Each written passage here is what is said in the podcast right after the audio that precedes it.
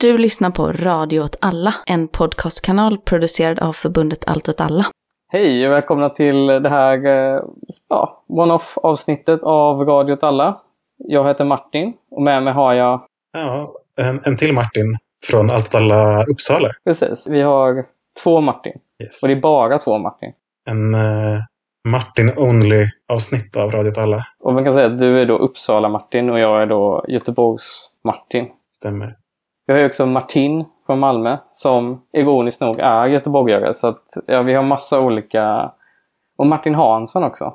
Skåning. Ja. Som är med i Äldre rörelse.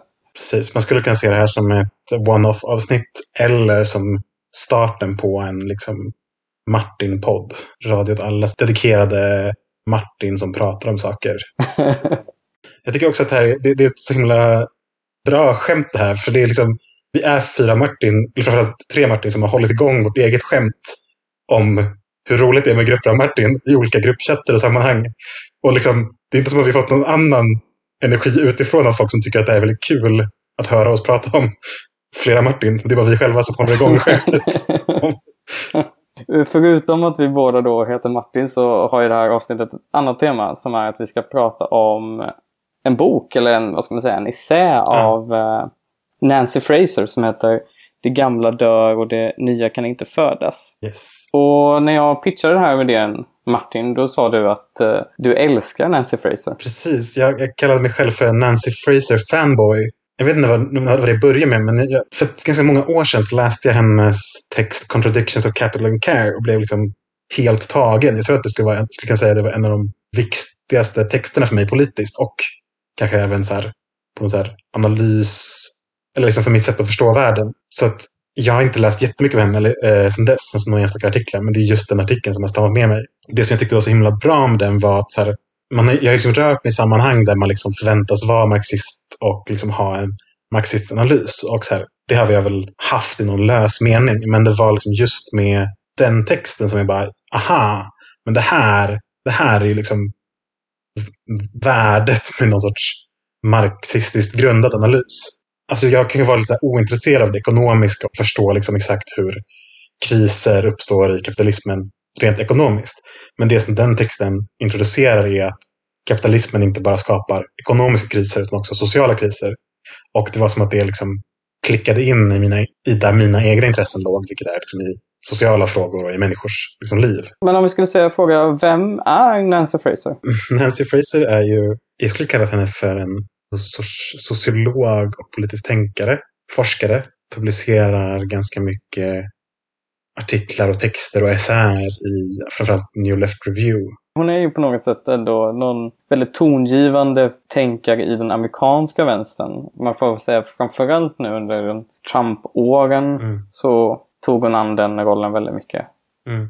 Hon har ju tillsammans med, nu kan man ju folk kanske bli arg på mig, men att man kan säga att hon är lite den amerikanska versionen av Chantal Mouffe på det sättet att hon verkligen har talat till de här populistiska ja, men Bernie Sanders-rörelsen i USA framförallt. Mm. Att hon verkligen har försökt skapa typ en typ av politisk språk och politisk strategi kopplat just till den typen av projekt som Mm. vänstern i USA har ägnat sig åt. Eller ägnade sig åt framförallt under de senaste fyra, fem åren kan man väl säga.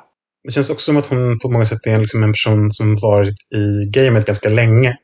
Att hon skrev ganska mycket redan under slut 80-tal, 90-tal och kanske i den tiden hade en starkare koppling till någon sorts new left-grej. Men att hon ändå överlevt det och nu är ganska mycket igång, alltså typiskt som den här boken vi läste nu, med ett projekt att liksom fördjupa analysen eller för, liksom, fördjupa engagemanget i en liksom, välgrundad vänsterpopulism. Eller vad som, hon kanske inte själv är, skulle brukar säga populist, men hon är ändå engagerad i den händelse eller rörelsen som är vänsterpopulism. Men om vi ska då gå vidare till själva boken. Det gamla dör och det nya kan inte födas. Som egentligen, det är egentligen bara en essä kan vi säga. Mm. Det här.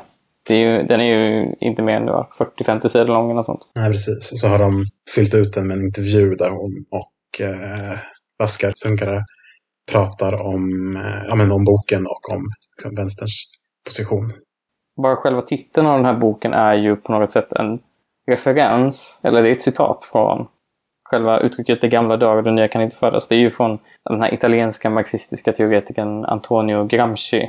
Om vi bara går ut från det liksom, citatet, vad är det de menar egentligen med det gamla dör och det nya kan inte födas? Det är ett citat som eh, inte bara liksom i namnboken utan även liksom verkar vara kärnan i det som eh, Fraser försöker säga i den. Och det är ju, titeln är ju liksom halva citatet. Och när jag skrev ner det, för på engelska så är det här The old is dying and the new cannot be born. In this interregnum a great variety of morbid symptoms appear. För, för citatet beskriver den här interregnum-situationen som uppstår i när ett hegemoniskt block liksom tappar sin hegemoniska status utan att för den delen liksom eh, lämna över makten eller falla sönder liksom på en mer... Eh, eller liksom, makten har inte upplösts, så det finns ingen som kan ta över makten. Men den hegemoni som tidigare gjorde makten osynlig har liksom upphört. Ja, interregnum i det här fallet betyder ju då liksom mellan, ja, mellan hegemoni, mellan alltså, interregnum, mellan styrskick, mellan maktstyrande. Mm. Liksom. Mm. Nej, men precis. Det är det mellan, men det är också ganska unikt mellan eftersom det inte, vad som kommer efter är inte avgjort än. Så allt vi kan identifiera är att vi är någon sorts övergångsperiod, men vi vet inte vad vi övergår till. Om då utgår från begreppet hegemoni som man använder, som du pratar om här. Alltså vad innebär det? Hegemoni är ju alla liksom, politiska och moraliska och kulturella och kanske även intellektuella sätt som en viss eh, världsbild eller samhällsordning förankrar sig själv i samhället. Och alla, alla, ska säga, alltså alla allianser och alla sociala grupper och klasser som är liksom involverade i att upprätthålla en viss världsordning eller världsbild. Hon har två aspekter av hegemoni. Det ena är vad hon själv då tar från Gramsci där hon menar att liksom, hegemoni det är på det sättet som den härskande klassens maktutövning kan man säga injicerar sin egen världsutskådning i samhället för att maktutövningen ska framstå som naturlig.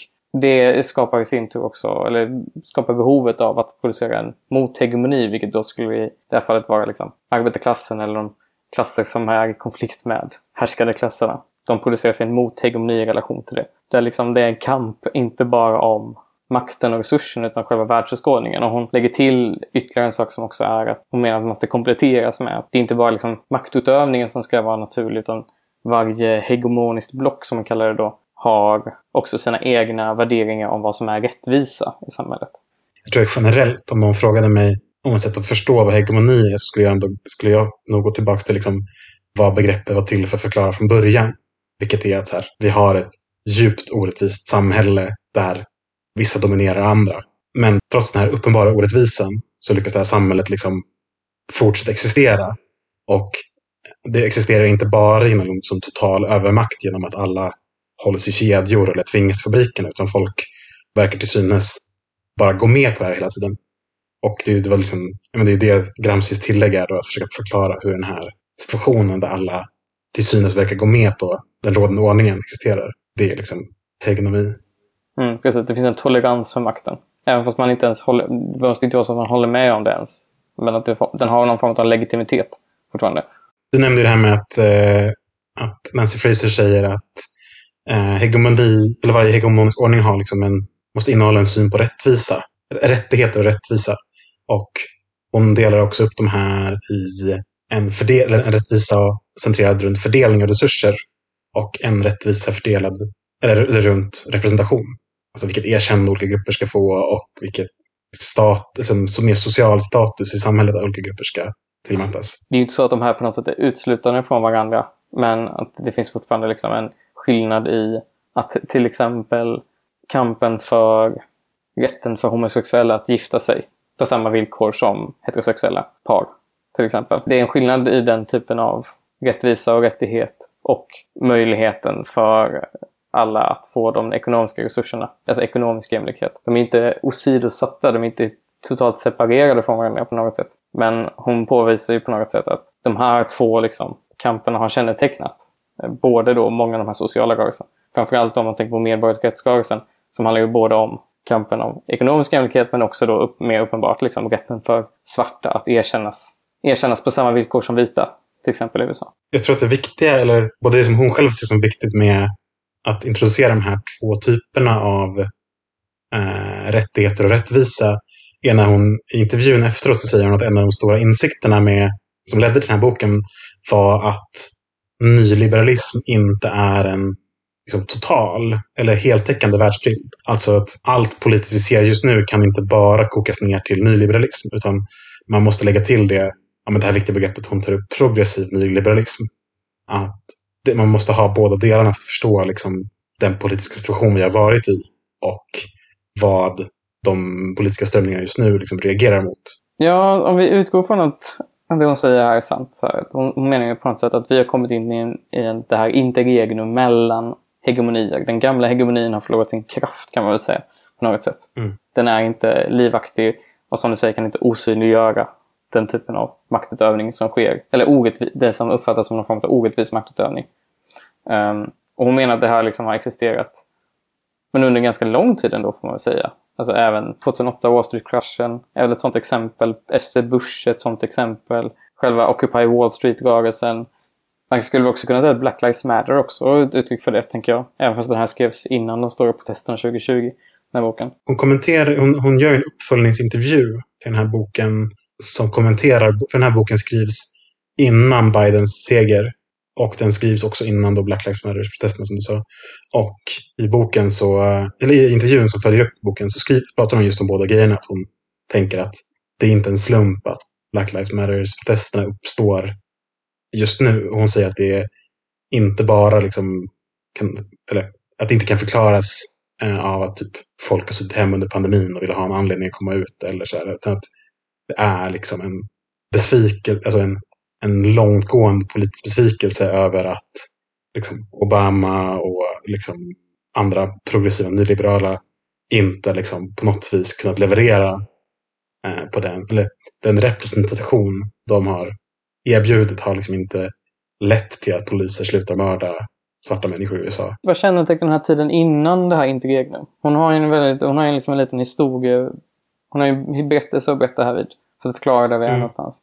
Hon pratar ju då om två mm. olika varianter av nyliberalism. Du var inne på det här, progressiv nyliberalism innan. Men vad är det hon menar uh, kännetecknar det här? Ja, men precis, så att hon särskiljer ju alltså, äh, progressiv och reaktionär nyliberalism. Uh, och precis, Nancy Fraser är definitivt en väldigt historieskrivande politisk tänkare. Eh, alla hennes texter har någon sorts, brukar ingå någon typ av historisk progression med olika händelser.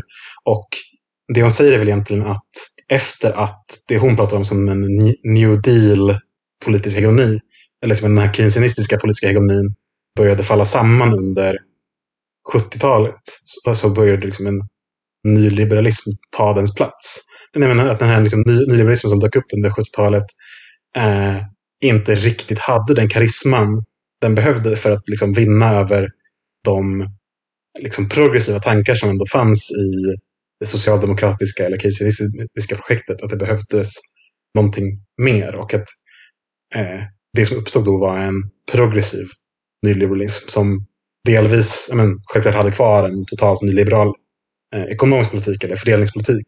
Men som ändå plockade upp eh, en idé om progressiv representation. Att kvinnor kan också bli VDR, att eh, eh hbtq-rättigheter spelar roll och eh, gärna i termer av liksom, olika typer av livsstilar. Alltså där är det framförallt Bill Clinton som blir på något sätt den stora symbolen för det här. För hon menar ju också att det finns någon form av kamp mellan en reaktionär nyliberalism och en progressiv nyliberalism. Där vi kan säga att den reaktionära nyliberalismen är liksom en nyliberalism som inte ger erkännande till minoriteter eller till kvinnors rättigheter eller till eh, invandrare och så vidare.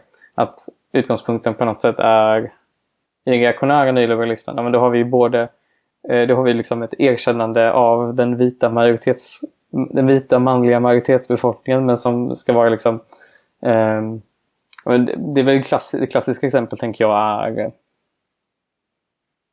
eh, Tea Party-rörelsen eller något sånt som drevs fram av både väldigt starkt nyliberala idéer om att staten inte ska blandas i ekonomin men också att tydligt så rasistiska eh, reaktionära politiska drag som man då ställer emot den här ja, men, Bill Clinton, Hillary Clinton, Obama också uppenbarligen. Eh, som är idén då att som liksom åtminstone i sitt formulerade politiska projekt.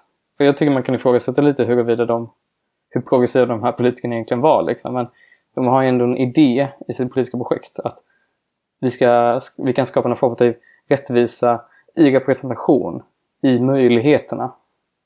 Men själva liksom ojämlikheten i tävlingen, i konkurrensen, den ska inte bara finnas kvar utan tvärtom uppmuntras. Liksom. Så vi ska ha liksom en, ett konkurrensstyrt samhälle liksom, med stora, där liksom ojämlikhet inte är någonting märkligt. Ekonomisk ojämlikhet är inget märkligt. Där rikedom ska premieras. Men tanken är ändå på något sätt att vi alla ska kunna delta i det här. Det är liksom det progressiva nyliberalismens projekt. Liksom. Även fast det är väl tydligt att man inte har realiserat det på något sätt.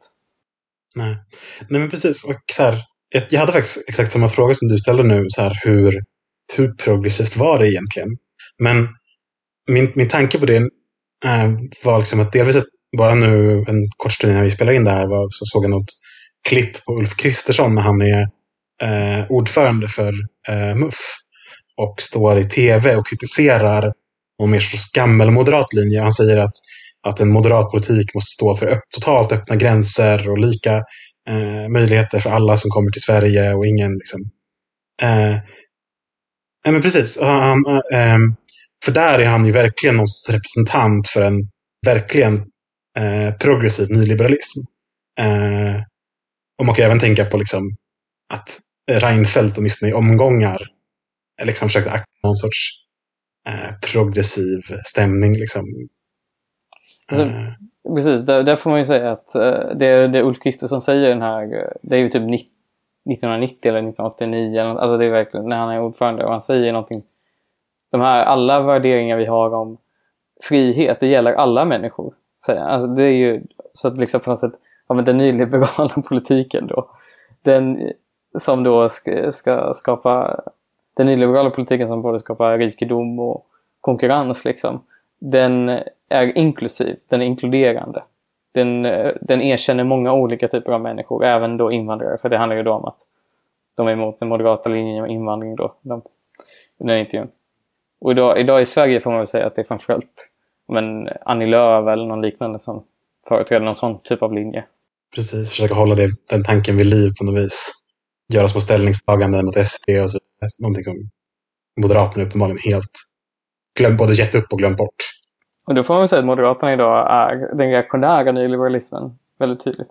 Nu, nu är vi fortfarande liksom egentligen någonstans i diskussionen av vad boken handlar om. Jag tycker att hon har en jättespännande spaning om att eh, om nyliberalismens liksom, utveckling som en eh, intellektuell strömning och att hon en sak hon spanar om är att eh, liksom den, den nya i högern är ju alltså högerns sätt att reagera på att den progressiva liberalismen faller och, och att högerpopulismen håller på att bli en faktor är ju att vända sig mot liksom, konservativa tankar och konservativa strömningar. Eh, och det tycker jag är verkligen någonting vi... Hon, hon spanar ju här om USA och tar exempel med amerikanska namn på nya konservativa tänkare. Men jag tänker att eh, konservativ, konservatism är ju verkligen det hippa i, eh, liksom, i högern, i någon bred mening i Sverige. Olika tankesmedjor, olika förbund. Folk som plötsligt kallar sig konservativa. Så mm. Man börjar till och med citera de här gamla konservativa. Många av dem som sen blev nazister och sånt också. Men det, det talar man inte högt om. Mm. Men, men det, det, är faktiskt sant. Och att det är väl också ett tydligt te tecken på en poäng hon gör som är liksom att nyliberalismen nyliberalismen som projekt är, har ju liksom inte den legitimitet bland människor eh, idag som det hade tidigare. Och det är därför man liksom på något sätt försöker hitta an, ett annat projekt som är liksom ett konservativt projekt. Liksom, som svar på. Ja, och jag tänker att det här kanske... Nu har man inte så mycket insikt i liksom den eh, liksom strategiska eller liksom politiskt övergripande diskussionen som sker inom högern. Men Frasers spaning är ju att den, liksom, den populistiska katten är lös. Eh, och den kommer liksom inte gå att stöka undan på, på något enkelt sätt. Eh, alltså varken för högern eller vänstern. Eh, att de, de sakerna som mobiliserade folk runt Trump kommer aldrig liksom att eh, gå att åtgärda med mer nyliberalism. För, denna, liksom, för nyliberalismen orsakar liksom Trump konstant. Och då kanske man kan tänka att eh, strate politiskt strategiska eller personer inom högern börjar snegla mot konservativa tankar just för att den kanske att där inne så har man ändå en viss typ av tankegods och ett visst sätt att tala till en arbetarklass eh, som då kanske annars skulle vända sig mot populism. Eh, och det är därför man börjar fiska i de liksom, vattnen. Eller det är, det är i alla fall Frasers spaning och det skulle jag ändå säga låter väldigt som en rimlig gissning på det. Ja, för att hon menar på något sätt att det som ni håller på liksom, det som håller på att ersätta nyliberalismen som någon form av hegemonisk strid. Tidigare var det liksom någon form av strid mellan en reaktionär nyliberalism och en progressiv nyliberalism. När den progressiva nyliberalismen vann så har menar hon på något sätt att nu finns det en, en reaktionär populism och en progressiv populism. Det är ganska intressant för hon menar ju på något sätt väldigt tydligt att Trump har liksom två saker som han vann valet på 2016. Som är byggmuren och gör stora infrastrukturinvesteringar. Att det menar hon är liksom det som tog fram Trump var liksom resentiment och hat mot invandrare å ena sidan och enligt Fraser då någon form av omfördelningspolitik. Liksom, som infrastrukturpaket skulle vara. Hon menar väldigt tydligt att det är de här två komponenterna som gjorde Trump Trumps seger möjlig, möjliga. Liksom. Och på något sätt i det Trump har gjort tycker hon att det ändå finns någon poäng i att ta med från vänstern som är då istället en pro ska vara en progressiv um, en progressiv populism istället. Ja, precis. Och här är ju frågan liksom hur pass...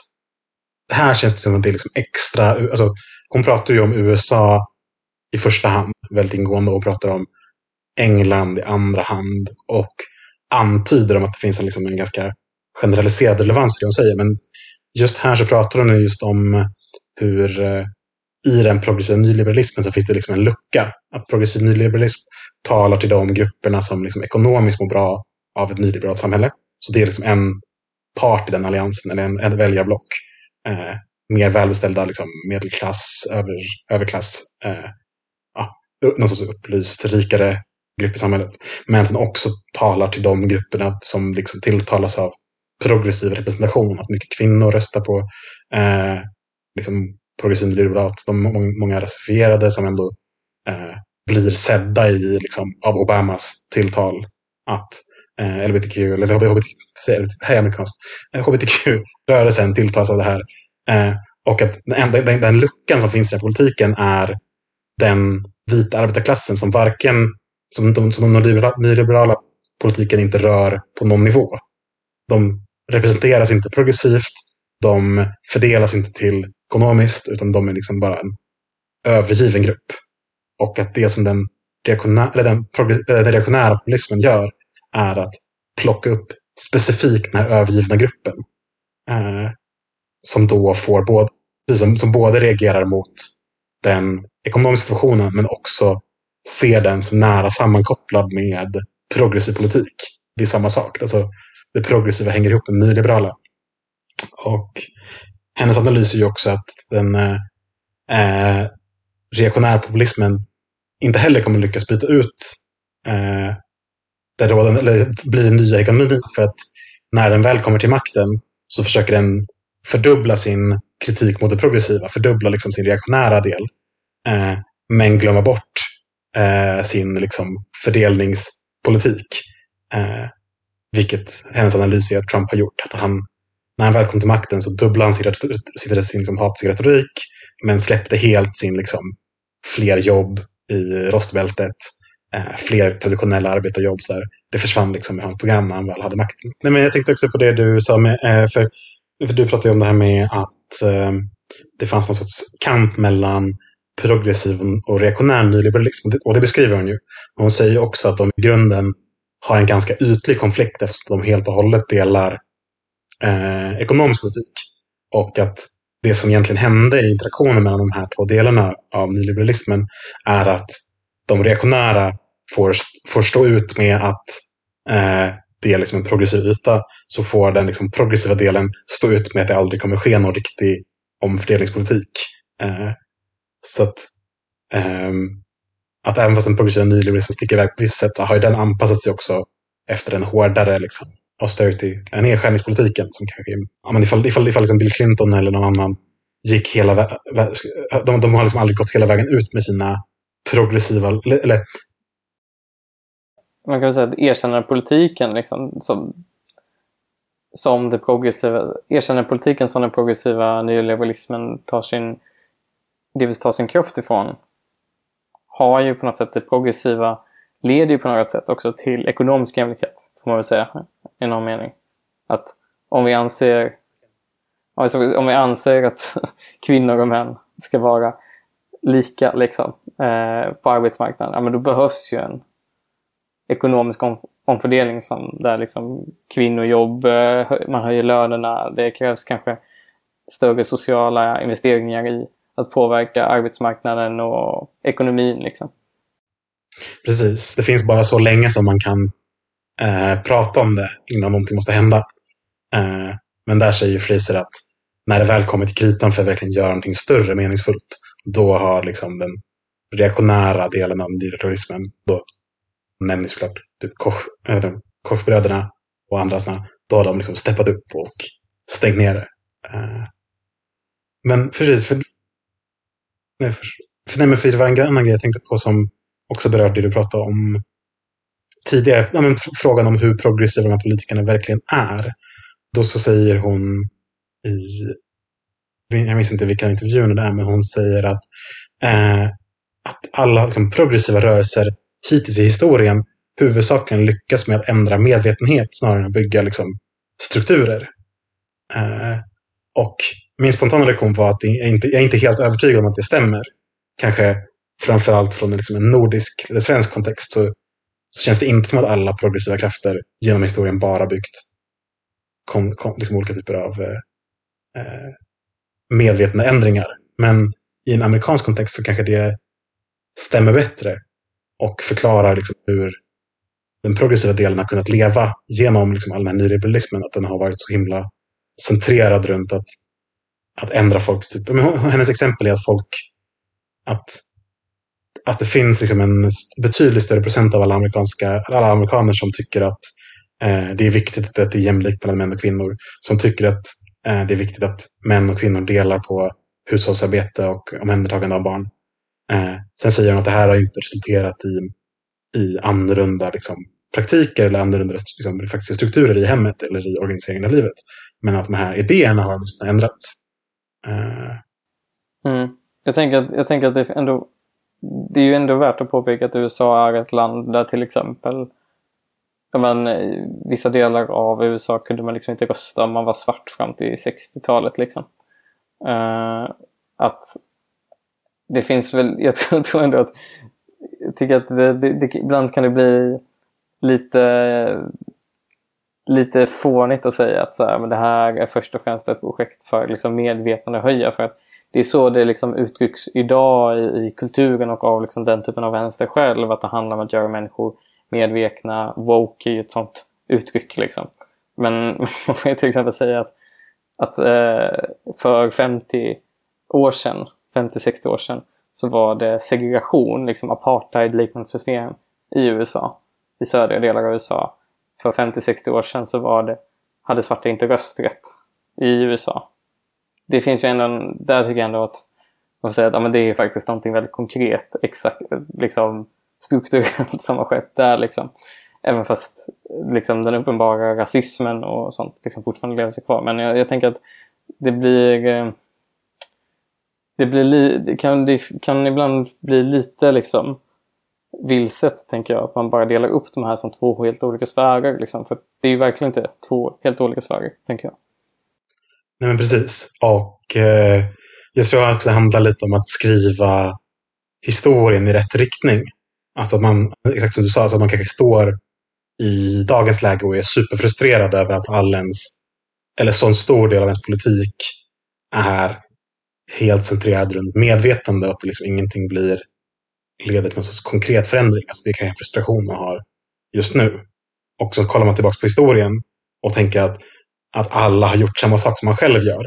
Eh, Medan ett så stämmer, som du säger, det stämmer ju inte. Det har skett massa konkreta saker både i USA och som, jag, som i Sverige. Men även att det kanske inte bara är en fråga om vad folk har försökt, alltså att folk kanske historien, liksom, eller fram tills även in på 70-talet och 80-talet hade en ganska bra idé om att de ville ändra strukturer och ville göra sån politik. Men att de inte lyckades med det och att det sen liksom...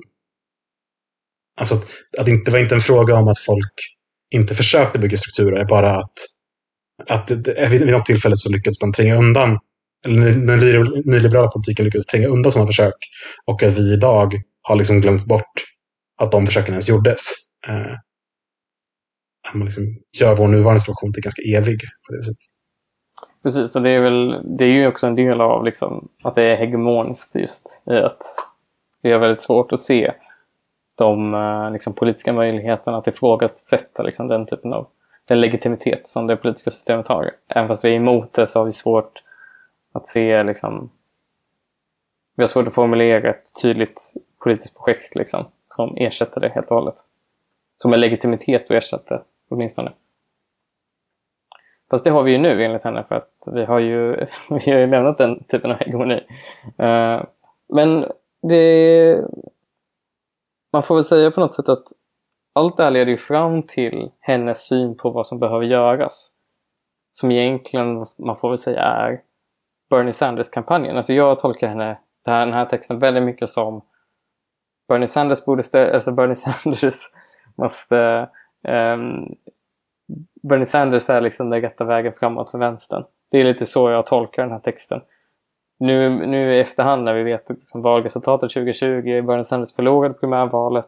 Joe Biden som man får säga den här största representanten för den här progressiva nyliberalismen i dagens liksom, politiska samtal. Han, eh, då kan vi känna en viss eftersmak. Men hon, hon har ju ändå ett resonemang som är att vi behöver en progressiv populism. Alltså vad, in, vad innebär den liksom? Ja, så att... Eh, precis, i boken så låter hon ändå ganska entusiastisk över en, en, en, en progressiv populism som både tar liksom fasta på de ändå progressiva idéer som har växt fram och överlevt genom eh, liksom, den här nyliberala epoken. Man kommer inte kunna gå vidare genom att eh, ge upp på de värderingarna eller släppa det.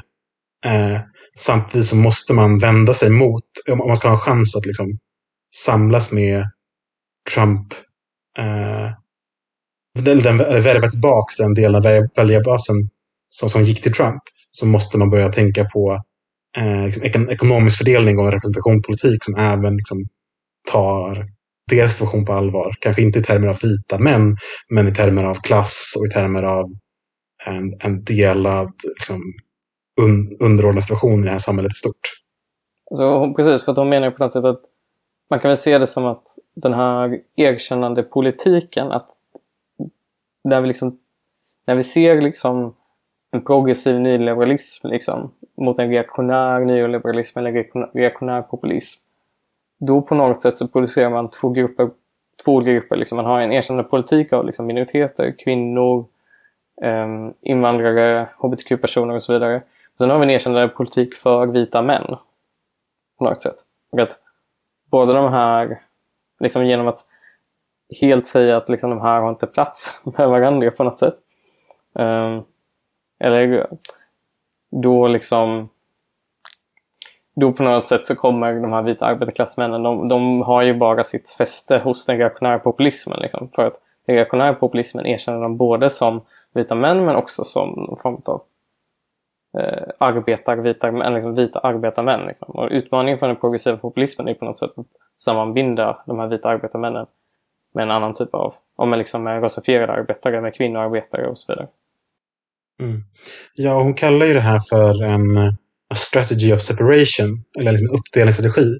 Där hon säger att liksom, den progressiva populismens uppgift är att delvis att separera liksom den här tänkta vita arbetarklassen, att separera dem från den reaktionära eh, kraft som har samlat dem och att föra dem mot liksom en, en klasspolitik som berör dem.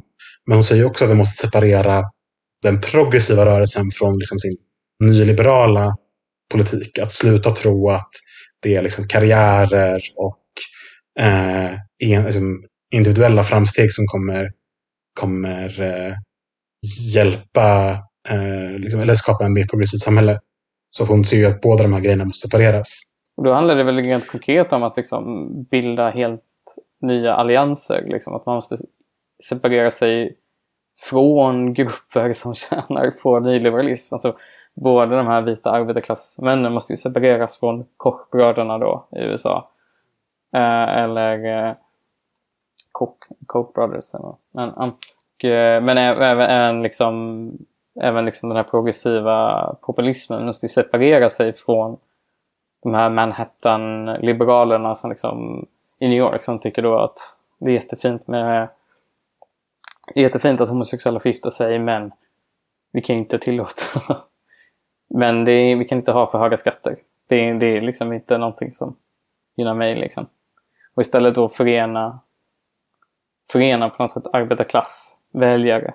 Arbetarklass och medelklass blir det väl på något sätt i hennes politiska terminologi liksom. Under, under den här progressiva populismen. Men som på något sätt inte då tar bort det tar inte bort erkännarpolitiken på något sätt. Det är inte det som är syftet. Det är inte, syftet är inte att säga att vi inte ska prata om de här frågorna. Syftet är inte att vi inte ska bry oss om de här frågorna. Men att vi ska göra det under det här nya paraplyt. Mm. Och det är ändå, en, eller jag skulle säga att, alltså, att jag ändå är väldigt sympatisk till det att hon sätter ner foten där. För det känns ändå som att vissa, alltså både där vi är och även i USA, ändå är ganska mycket och nosa på tanken att släppa representationsdelen. Att liksom, nu äntligen får vi slippa bry oss om all det här woke-grejerna och vi behöver inte vara PK och nu ska vi börja hålla på med riktig vänsterpolitik. Och helt och hållet, för hon, hon varnar för att eh, liksom återgå till liksom en, en eh, klassfetischism, tror jag man kallar det, när man eh, går tillbaka till en tidigare steg i historien där, där arbetare bokstavligt talat liksom bara var män, eller vita män i fabriker liksom, i väst, på sätt och vis. Um, men det är ju lite spännande just hur, det här, alltså hur snabbt det går med politiska händelser. Just, alltså, inte just nu alltid, men, men i, i kontext av den här boken. Att hon, för, för precis som du sa, så i, i min läsning av eh, boken så är det, känns det som att så här, Bernie är hennes alternativ eller någonting som motsvarar Bernie och vänsterpopulism. Men i, i den här intervjun som hon gör om boken, som heter American Interregnum, heter den intervjun, den släpps 9 april i år. Där säger hon att, behöv, att vi behöver någonting bortom vänsterpopulism. Och det hon säger då är att hon, hon kallar för demokratisk ekosocialism. Eh, och, precis. och eh, egentligen är det samma vision. Så hoppas liksom att under paraply samla både de grupperna som såg sina intressen i den progressiva delen av nyliberalism, eh, men som blev svikna av liksom den restriktiva fördelningspolitiken. Och samla dem med den delen av arbetarklassen som stöttade Trump. Eh, för liknande anledningar, men som på, också på samma sätt blev svikna av liksom, ekonomiska fördelningen. Nu talar man ju på något sätt också om att det populistiska ögonblicket som man har pratat lite om har funnits. Att det kanske inte att det kanske har lite kommit ur händerna på oss. Och det är inte då betydelsen att vi kommer återgå till Biden. Det betyder inte att Biden och den progressiva nyliberalismen har vunnit. Eller att Trump är... Att det liksom står mellan de två. Men att på något sätt, just på det sättet som vi föreställde oss att det skulle hända, att Corbyn i Storbritannien, att Podemos i Spanien, att Bernie Sanders i USA skulle liksom kunna greppa tag i makten och helt plötsligt skulle vi få liksom politiska projekt som vi inte har sett i Västeuropa på otroligt lång tid. Att de skulle ha liksom, sitta på de största posterna i, i de demokratiska länderna, eller i, i väst. Att det är någonting som känns inte så eh, lika relevant längre, får man väl ändå säga. Nej, precis. För det känns lite som att det är alltid svårt att spå framåt. Alltså, på något sorts rimligt sätt. Men det känns ju som att hon, hon tar ju upp att i den sena intervjun då att hon ändå tycker att typ eh, Bernie Sanders är mycket mer i amerikansk tv och kommenterar ekonomiska frågor. Han har fått liksom en budgetansvar, fast inte, inte, inte så mycket makt, men han har fått något visst ansvar. Eh, och att liksom de här eh, EOC och hennes, eh, vad heter de? Får ni namnet på den här progressiva gruppen? The Squad. The, Squ The Squad, ja.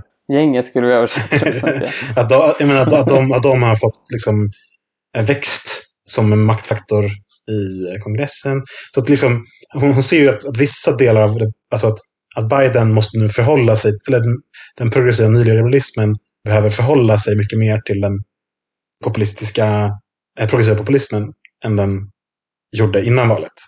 Men sen vad det kommer leda till vet vi inte riktigt heller. Det, en sak som jag tänkte på var hennes, också, hennes spaning är ju lite att så här, Trump kommer aldrig kunna vinna för han liksom kan inte släppa den nyliberala ekonomin. Men då kanske man kan koppla tillbaka till det vi snackade om där med konservatism. Och inte för att vara liksom för domedags, eller liksom för, liksom för jag ger, det, jag ger den idén för mycket kraft. Men så här, vore det totalt omöjligt att se liksom en konservativ vändning, eller en konservativ eh, liksom kraft som en, som, en, som, en, som en riktig utmanare för liksom en ny hegemoni. Eller jag tänker att hon pratar ju ändå om öst, öststater i relation till progressiv... Eller, i, hon, hon pratar ändå om öststater i relation till reaktionär populism. Men jag skulle ändå vilja säga att i flera stater där det ändå känns som att det har liksom blivit en ganska konservativ eller ärkereaktionär konservativ hegemoni. Att det inte handlar om en, en kort liksom, flash av eh, högerpopulism där, utan det är liksom ändå det är läget. Liksom. Precis, att, att det finns eh, någonting i de konservativa politiska idéerna som bär kraft på något sätt.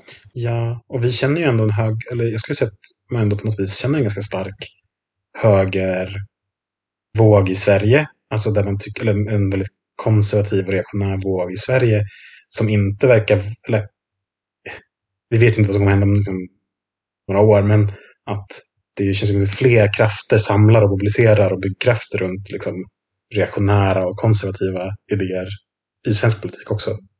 Eh, och jag tror man ändå ska ta det på tillräckligt mycket allvar för att tänka att det inte bara kommer trilla ut som liksom, Uff, Trump blev inte vald igen, så nu kan vi sluta vara oroade över, över högerpopulismen. Eh, liksom, det är ingen, eller för mig, det känns inte som att så här, antingen så blir det socialdemokratiskt liksom block eller ett moderat SD-block. Och båda de är ju väldigt eh, reaktionära, åtminstone i de här frågorna. Alltså mindre... Eh, framförallt, eller det är ju liksom invandringsfrågan som förenar dem plus den här liksom väldigt rasistiska idén om gängkriminalitet och så vidare som har så hårdare tag. Och det, där i det politiska samtalet i Sverige får man ju säga att liksom hela den ekonomiska diskussionen sätts ju helt åt sidan liksom, av den här typen av erkännande politik. Och eh, mot någon form av progressiv linje och en reaktionär linje. Fast även där de, står på, de som står på det progressiva blocket, vilket Socialdemokraterna, Centerpartiet, de företräder också går ju med i en väldigt reaktionär uh, politik även där. Så det, det, man har, spelar ju på båda sidor. Jag tänker på det här med att den här interregnumskänslan har tror jag förändrats nu också för att om vi tänker att nyliberalismen gjorde sig av med keynesianismen och keynesianism, om vi tänker att keynesianismen var någon typ av... Nancy Fraser ser ju det som att, tänker jag med, New Deal-politiken först och främst var någon form av vänsterpolitik framförd av liksom progressiva rörelser och så. Man kan ju också se det som att det finns ju, jag har gjorts poänger, nu kommer jag inte på vem. Men till exempel att man, det har gjorts poänger till exempel att, jag, jag tror det är Moshe på Stone som är en så här värdekritiker kan man väl säga, värdekritisk eh, historiker. Han, han menar ju på något sätt att vänstern i eh, vänstern, så 68-vänstern, deras kritik mot kapitalismen, mot samhället var ju först och främst en kritik mot välfärdsstaten, liksom kapitalismen i välfärdsstaten. Och då inte då att man var emot liksom, sociala försäkringar eller alla, alla ska till skolan och sånt. Men man liksom, den typen av kapitalism som man kritiserade var liksom en väldigt social ingenjörkonststat. Liksom, som kontrollerade väldigt mycket aspekter av våra liv, kontrollerade vår stadsplanering, inte gav liksom, plats för frihet för människor. Och att den typen av politiska rörelse liksom, tog nyliberalismen upp. Liksom, när nyliberalismen klev fram och ändrade då gav ett alternativ till välfärdsstaten. Men liksom bara omformulerade kapitalismens spelregler. Kapitalismen fanns fortfarande kvar liksom. Då, då fanns det liksom, då kunde den här typen av gammal typ av vänster inte riktigt svara på nyliberalismen. Just för att man har liksom formulerat sin kritik mot en annan typ av kapitalism.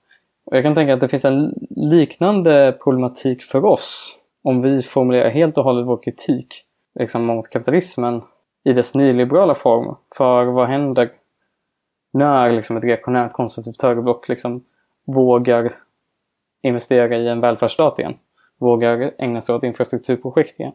Det kanske inte kommer vara den typen av generella välfärd som vi tycker skulle vara liksom, ett bättre alternativ än det vi har idag. Men det hade kanske varit en välfärd som eh, ger vissa grupper någonting och andra grupper ingenting. Ja. Till exempel.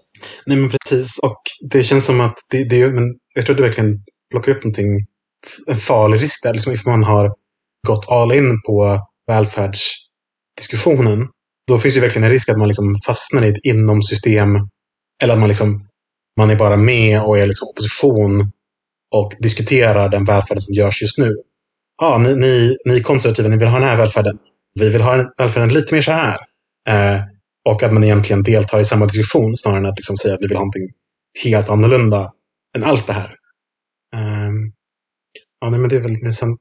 Jag tycker att, att, för det här känns ändå som ett tema som återkommer i Frasers uh, tänkande. Jag tycker att hon har en ganska, alltså just i den här Contradictions of Capital Care så har hon en väldigt bra historisk beskrivning av varför keynesianismen i New Deal uppstår.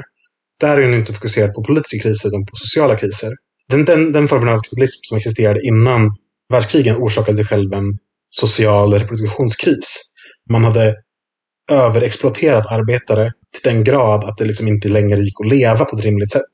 Man hade liksom överutnyttjat en resurs. När människor inte längre kan uppfostra barn, föda barn, föda sig själva, då blir det inte längre de nya arbetare och då kan inte kapitalismen fortsätta eh, utvinna, utvinna, ut, uh, fortsätta växa. Eh, det här var en kris när på orsakade sig själv någonstans förra eh, sekelskiftet. Eh, decennieskiftet. Sekelskiftet. sekelskiftet.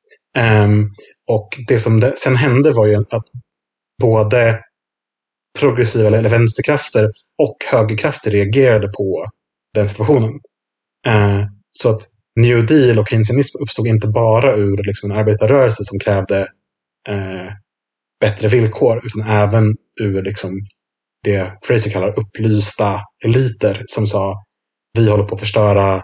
Eh, kvinnor är inte kvinnor längre, de jobbar i gruvorna. Eh, familjen håller inte ihop längre för alla barnen och alla jobbar. Eh, och därifrån så såg också liksom ganska strategiskt tänkande marknadskrafter att okej, okay, vi för att kunna säkra fortsatt växande ekonomisk tillväxt så måste vi säkra alltså arbetarnas överlevnad. Så vi behöver lagar mot barnarbete. Vi behöver en familjelön som gör att kvinnorna kan gå, hem, gå, gå tillbaka till hemmet och jobba gratis där eh, med att skapa nya arbetare. Och att, så att hennes tolkning av övergången till New Deal är inte heller bara liksom en total vänsterseger. Nu var jag borta på den här tangenten länge. Men... Ja, men det får vi väl säga var allt för oss. Ja. Eh, hoppas det var intressant, eh, lärorikt och framförallt att ni, någon av er som lyssnar blir sugen på att plocka upp de här böckerna. Jag tycker att de är väldigt eh, tänkvärda och eh, roliga att läsa. Ja, man kan ju köpa den här boken som jag pratar om nu på Tankekraft förlag. Tankekraft.se tror jag yes. adressen är. Eller på, eller på Verso som jag har då. Engelska versionen. Verso som är engelska utgåvan. Precis. Då säger vi hej då. Ja. Yeah. Ha det så bra. Hej då.